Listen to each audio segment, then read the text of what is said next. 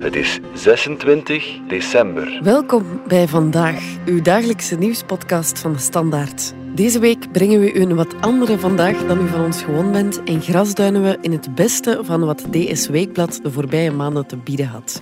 Beginnen doen we met een reis rond de wereld. Was de Portugese ontdekkingsreiziger Magellaan werkelijk de eerste mens die rond de wereld voer? En bewees hij zo dat de aarde rond is? Of hadden anderen hem dat eerder al voorgedaan? U luistert naar een verhaal van Steven de Voer, gebracht door Niels de Keuklare.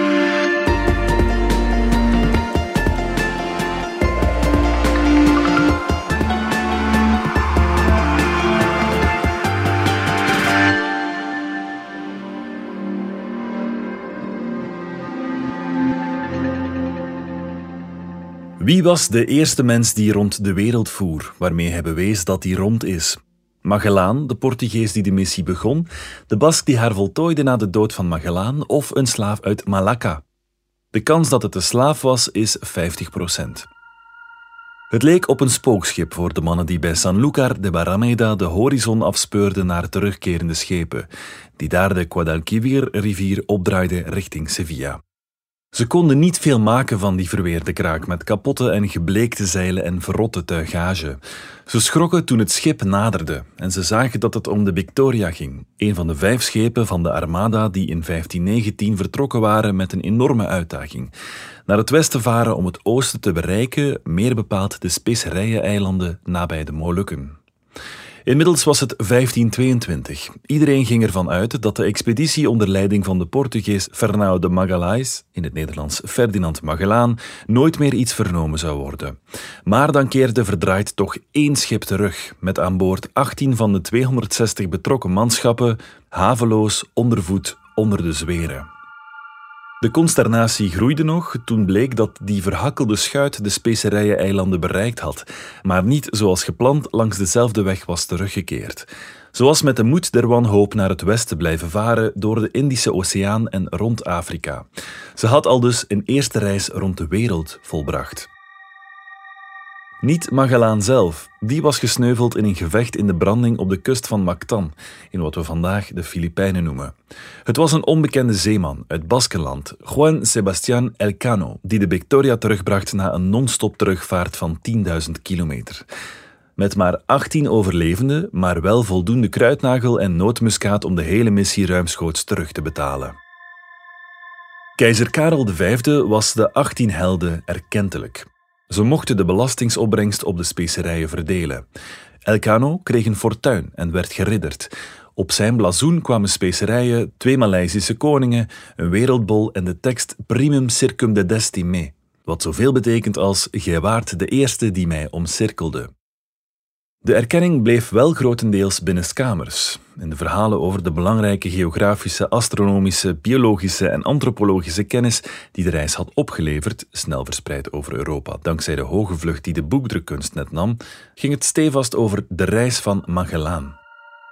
Met de eer van die eerste omvaart van de aarde was niemand in die tijd erg bezig, zegt Lawrence Bergreen, de Amerikaanse historicus die in 2004 het spannende en inzichtelijke Over the Edge of the World schreef. Het was niet zoals de prestigerace naar de maan tussen de Verenigde Staten en de Sovjet-Unie in de jaren 60, zegt de New Yorker via Zoom. De redenen waren economisch, geopolitiek en ook religieus. Net zoals Columbus dacht ook Magellaan dat God hem een missie had gegeven: het christendom over de wereld verspreiden. In de 16e eeuw was zo'n messiaanse ambitie niet ongewoon. Toch was de expeditie vooral een commerciële onderneming. Het was de reders en financiers om de opbrengsten te doen. Specerijen, vooral kruidnagel, waren de motor van de wereldeconomie zoals olie vandaag. Kruidnagel werd gebruikt om eten te kruiden en lijken te bewaren. Maar er werden ook grote genezende krachten aan toegeschreven. Ook interessant, de voorraad kruidnagel die de Victoria meebracht, werd te gelden gemaakt in Antwerpen, waar de broer van de belangrijkste financier woonde. Onder de 260 zeelui waren er ook enkele Vlamingen. Om het belang van deze reis te kunnen begrijpen, moeten we terug naar 1494, toen Spaanse en Portugese onderhandelaars in Tordesillas een verdrag ondertekenden. Beide Iberische naties hadden dankzij de reizen van onder andere Vasco de Gama en Christoffel Columbus nieuwe werelddelen ontdekt. In Tordesillas, nabij Valladolid, toen de Spaanse hoofdstad, verdeelden ze de koek. Al het nieuw ontdekte land ten oosten van een demarcatielijn ging naar Portugal. Alles ten westen was voor Spanje. Voor Spanje was zo helaas wel de weg afgesloten rond Afrika en door de Indische Oceaan naar Zuidoost-Azië en de gegeerde specerijen. Maar daar was opeens de ambitieuze Portugese zeevader die zich gekleineerd voelde door de eigen koning omdat die al jaren zijn verzoeken voor grote expedities negeerde. Toen Magellaan in Spanje zijn plannen ontvouwde om de droom van Columbus, die naar India zocht toen hij op Amerika botste, eindelijk eens echt uit te voeren, hadden ze daar wel oren naar. Via het westen naar de specerijeilanden varen betekende immers het Portugese monopolie breken. Vasco Núñez de Balbao had in 1513 via de smalle landengte van Panama de kust van een nieuwe oceaan ten westen van Amerika bereikt. Die leek hem echter veel minder groot dan de Atlantische. Het enige echte hachelijke obstakel leek dus een weg vinden om onder Amerika door te varen. Het was een gok die de jonge keizer Karel V wel wilde nemen. Ze dachten dat die oceaan tussen Amerika en het Verre Oosten een relatief klein stuk water was, zegt Green. Een kolossale misrekening. De middeleeuwen waren voorbij, maar de kennis van de wereld was nog altijd beperkt. Ze wisten dat de aarde rond was, omdat ze schepen zagen verdwijnen achter de horizon, maar betrouwbare kaarten waren er niet, alleen zeer vage inschattingen. Voor gewone matrozen was de onwetendheid nog groter. Hun kennis, tussen haakjes, van de wereld beperkte zich tot verhalen zoals die over Sindbad, de Arabische zeevaarder die de wildste avonturen beleefde met zeemonsters en zo. Het bijgeloof was enorm en elementaire kennis, dat je scheurbuik kon bestrijden met vitamine C uit citrusvruchten bijvoorbeeld, ontbrak. De onderneming was een sprong in het diepe.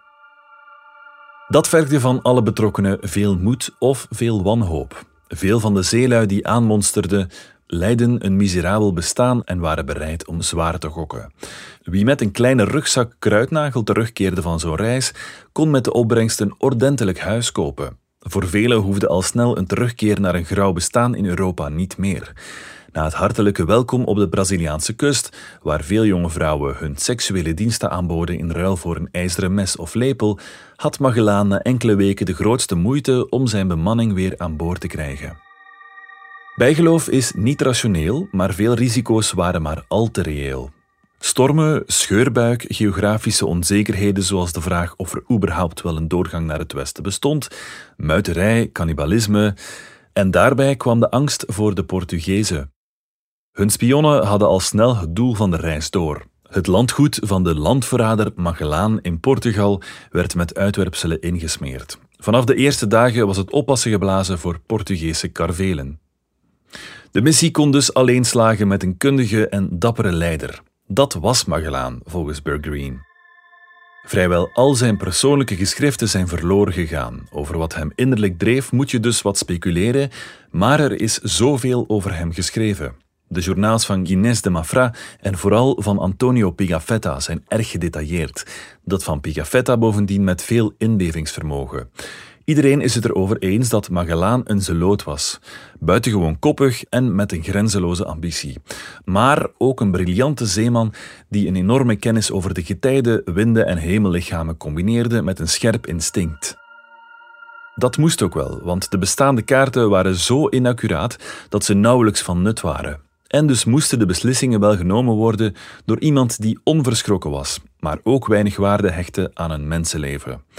Voor die tijd was dat niet ongewoon, zeker niet bij ontdekkingsreizigers. Ik heb dus wel bewondering voor Magellaan, al denk ik niet dat hij erg aangenaam gezelschap was. En hij is aan zijn eind gekomen door pure overmoed, zegt Green. Magellaan sneuvelde op 27 april 1521, net toen alles hem scheen mee te zitten. De eerste veertien maanden van de reis waren een beproeving geweest. Toen hij er maar niet in slaagde een doorsteek onder Amerika te vinden, had hij muiterij op drie schepen moeten onderdrukken met martelingen en executies. Eén schip was ontsnapt en teruggevaren naar Spanje, wat iedereen in de expeditie een hoogst ongemakkelijk gevoel gaf. Welke roddels zouden ze in Spanje ongehinderd kunnen verspreiden? Een ander schip was vergaan. De doortocht door de IJzige Zeestraat was verschrikkelijk geweest en Scheurbuik had op de overtocht van de Stille Oceaan, het bleek vijf maanden varen, een groot deel van de bemanning het leven gekost. Maar ze hadden de archipel bereikt die we vandaag de Filipijnen noemen. Hij had vriendschappen gesloten met koning Humabon van Cebu en die had zijn onderdanen opgedragen zich te bekeren tot het christendom. Zijn nieuwe bondgenoten kenden bovendien de weg naar de belangrijke specerijeneilanden Tidore en Ternate, hun einddoel. Een andere lokale leider, Lapu-Lapu, had echter geweigerd zich tot het christendom te bekeren en dat kon Magellaan niet over zijn kant laten gaan. Overmoedig voer hij met hooguit enkele tientallen manschappen naar Mactan, denkende dat zijn artillerie wel zou volstaan. Maar terwijl ze nog door de branding waden, werden ze al bestookt door speren van honderden tegenstanders. Magellaan werd doorboord en verdween in de golven. Het was dus een onthoofde expeditie die verder trok naar de specerijeneilanden en die bij gebrek aan leiding domme dingen deed. Zo werd een van de drie overblijvende schepen al te snel opgegeven en in brand gestoken omdat er houtrot werd vastgesteld. Op de specerijeneilanden zakte de moed wat in de Spaanse schoenen. Het doel bereiken was één ding, terugkeren een ander. En ze wisten nu wat een verschrikkelijke reis het was. Beslist werd de expeditie op te splitsen. De Trinidad zou koers zetten naar Midden-Amerika om daar zijn lading op ezels te laden en over land naar de Atlantische kant te voeren. Het plan liep falikant af. De Victoria stond voor een nog gekkere taak. Terugkeren door verder naar het westen te varen door de Portugese zone, met het risico gekelderd te worden en zonder mogelijkheid enige haven aan te doen. De leiding over de Victoria werd toevertrouwd aan Juan Sebastián Elcano, een ervaren Baskische zeeman die in Sevilla was vertrokken als kapitein van een van de andere schepen. Sinds de dood van Magellaan was hij duidelijk de beste zeeman, maar door zijn lage afkomst en het feit dat hij bij de muiters had behoord voor de kust van Patagonië, werden mindere talenten als leiders geprefereerd.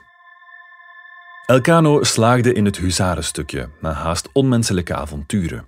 Veel slachtoffers door scheurbuik bestookt door Portugese schepen, omdat de ware identiteit van het schip werd ontdekt toen het noodgedwongen toch binnenliep op de Kaapverdische eilanden.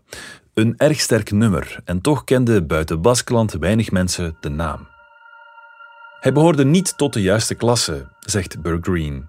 Magellaan was dan wel een Portugees, hij had tenminste een adellijke titel, die hebben ze Elcano ook wel gegeven, maar hij had niet de juiste connecties en hij heeft niet lang genoeg geleefd om die te kunnen verwerven, zegt ze. Bij een volgende expeditie naar de Specerijeneilanden in 1526 stierf hij in de Stille Oceaan aan scheurbuik. We weten niet eens hoe hij eruit zag. Elcano's twee standbeelden in zijn geboortedorp Getaria zijn banaal en inwisselbaar man met baard. Zelfs in dat dorpje leeft Elcano in de schaduw van een beroemde dorpsgenoot die er wel zijn eigen museum heeft, de modeontwerper Cristobal Balenciaga. Directeur Xavier Alberdi Lombide van het Museum Maritimo Basco in San Sebastian heeft een andere reden voor de stiefmoederlijke behandeling. De officiële geschiedenis is in Spanje geschreven in de 19e eeuw, in een periode van scherpe confrontatie tussen de Baskische overheid en de nieuwe centralistische Spaanse regering. Die koos ervoor zo weinig mogelijk ruchtbaarheid te geven aan de invloed van Baskeland op de geschiedenis, met name de zeevaartgeschiedenis. In die jaren is het beeld geschapen van Magellaan als de romantische held die zijn missie nastreefde ondanks bureaucratie, xenofobie en onwetendheid. En de muiterij voor de kust van Patagonië werd gebruikt om de latere hoofdrol van Elcano in de reis te minimaliseren, zelfs om hem af te schilderen als een omhooggevallen avonturier. De jongste jaren is er sprake van enig eerherstel. In de tentoonstellingen die naar aanleiding van de herdenking van de reis werden georganiseerd, stond Elcano meer in de schijnwerpers dan vroeger.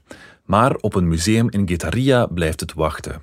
Het stadje likt nog zijn wonden na een zwaar corruptieschandaal rond het Balenciaga Museum. Maar binnenkort wordt in een oude toren wel een maritiem historisch centrum gevestigd. Het is een begin, zegt Alberti. Hoe groot de verdienste van Magellaan en Elcano ook was, toch is het zeer plausibel dat de eerste reis rond de wereld al maanden eerder werd volbracht door iemand die in de navelstaarderige westerse geschiedschrijving over het hoofd werd gezien. Enrique van Malacca. Acht jaar voor hij op zijn grootste reis vertrok, nam Magellaan deel aan de Portugese belegering van de rijke havenstad Malacca, in wat vandaag Maleisië heet. Hij kocht daar een veertienjarige slaaf, die hij Henrique noemde, wat in Spanje Enrique werd. De pintere jongen werd zijn persoonlijke knecht. Toen hij zijn grote expeditie ging bepleiten aan het hof van Karel V, nam Magellaan Enrique zelfs mee om aan te tonen dat hij een gids en een tolk had die, zo beweerde hij, zelf van de Specerijen-eilanden afkomstig was. Enrique bleek zijn gewicht in goud waard, zelfs vroeger dan verwacht. Toen de Spaanse schepen na hun horrortocht over de Stille Oceaan Linasawa bereikten, aan de oostkant van de Filipijnse archipel, bleek Enrique te kunnen converseren met de lokale bevolking. De verklaring kan eenvoudig zijn. Bij het intensieve handelsverkeer tussen de Zuidoost-Aziatische eilanden was het Maleisisch een lingua franca. Volgens Filipijnse historici als Carlos Quirino en Penelope Flores is de kans echter groot dat Enrique oorspronkelijk van deze eilanden afkomstig was. Hoe hij later dan in Malacca was terechtgekomen, dat was een van de belangrijkste handelsposten van Zuidoost-Azië, een multi-etnisch mierennest. De jongen kan door slavenhandelaars geroofd zijn en in Malacca verkocht, maar er was ook een traditie dat politieke leiders en groothandelaars een kind uitwisselden om de banden te verstevigen, verklaringen genoeg. Als Enrique van de Filipijnse archipel afkomstig was, was hij de eerste mens die de hele wereld had rondgevaren om terug te keren in zijn geboorteland. Toen al, in het voorjaar van 1521. Maar ook als Enrique gewoon afkomstig was uit Malacca of Sumatra, is de kans reëel dat hij al lang weer thuis was, voor Elcano en zijn mannen anderhalf jaar later terugkeerden in Spanje. Enrique was bij zijn meester toen die dodelijk getroffen verzwolg in de baai van Mactan. Zelf ontkwam hij. In Magellaans testament stond dat de slaaf na diens overlijden een vrij man zou zijn, met een aardige geldsom op de koop toe. De nieuwe leiders van de expeditie weigerden dat echter te aanvaarden. Na een hoogoplopende ruzie ging Enrique aan land. Waarschijnlijk zette hij daar koning Humabon op tegen de Spanjaarden. Die nodigde hen uit voor een groot banket en al wie daar argeloos heen ging, werd afgeslacht. Enrique werd geen haar gekrenkt. Verder vertelt de geschiedenis weinig over Enrique, alleen dat hij de intentie zou hebben geuit naar huis te gaan. Ook als hij daarmee Malacca bedoelde, was dat niet zo'n heksentour. De afstand van Cebu naar Malacca is maar 2500 kilometer en de route tussen beide steden was druk bevaren. Enrique moet zijn ervaring als knecht van een grote Europese leider makkelijk te gelden hebben kunnen maken. Kortom, de kans dat die terugkeer voorspoedig verliep is groot en als het hem is gelukt voor Elcano's terugkeer in Spanje, was de primeur voor hem. Filipino's en Maleisiërs geloven dat graag. Er zijn boeken over geschreven en sterk geromatiseerde films over gemaakt. Burgreen schat de kans dat Enrique de eerste was op minstens 50% Al betwijfel ik of hij daar ooit bij stilgestaan heeft, zegt ze. Enrique zag zich niet als een belangrijk figuur in de geschiedenis, zoals Magellaan dat wel deed. In mijn boek ben ik bij Enrique niet zo lang blijven stilstaan. Ik wilde me bij de bekende feiten houden, zoals Bagafetta en de Mafra en andere ze genoteerd hebben. De rest is speculatief, maar zeker niet onwaarschijnlijk, voegt ze daaraan toe. Burgreen vindt de aandacht voor Enrique een prima zaak. Ze zegt omdat het een ander perspectief biedt dan het westerse. Filipino's hebben vandaag zeer gemengde gevoelens over Magellaan. Enerzijds is het een grotendeels christelijk land met veel vurige gelovigen die zien hem haast als een heilige omdat hij het christendom naar hun contrij heeft gebracht, maar anderzijds wordt hij gezien als een veroveraar, een westerse imperialist en Lapu-Lapu als een vorst die een vuist durfde maken. Jaarlijks wordt de slag bij Mactan opnieuw opgevoerd, met Lapu-Lapu als de held en Magellaan als de agressor. Er zitten meerdere kanten aan de geschiedenis. Dit was een bijzondere aflevering van vandaag. Bedankt voor het luisteren. Volg ons op Spotify, Apple Podcasts of eender welk ander podcastplatform. In onze gratis app DS Podcast kan je niet alleen ons werk beluisteren, maar ook de beste podcasttips voor op vakantie of ergens onderweg, met zorg geselecteerd door onze redacteur Max de Moor. Alle credits van de podcast die je net hoorde vind je op standaard.be-podcast. Reageren kan via podcast.standaard.be. Morgen zijn we opnieuw.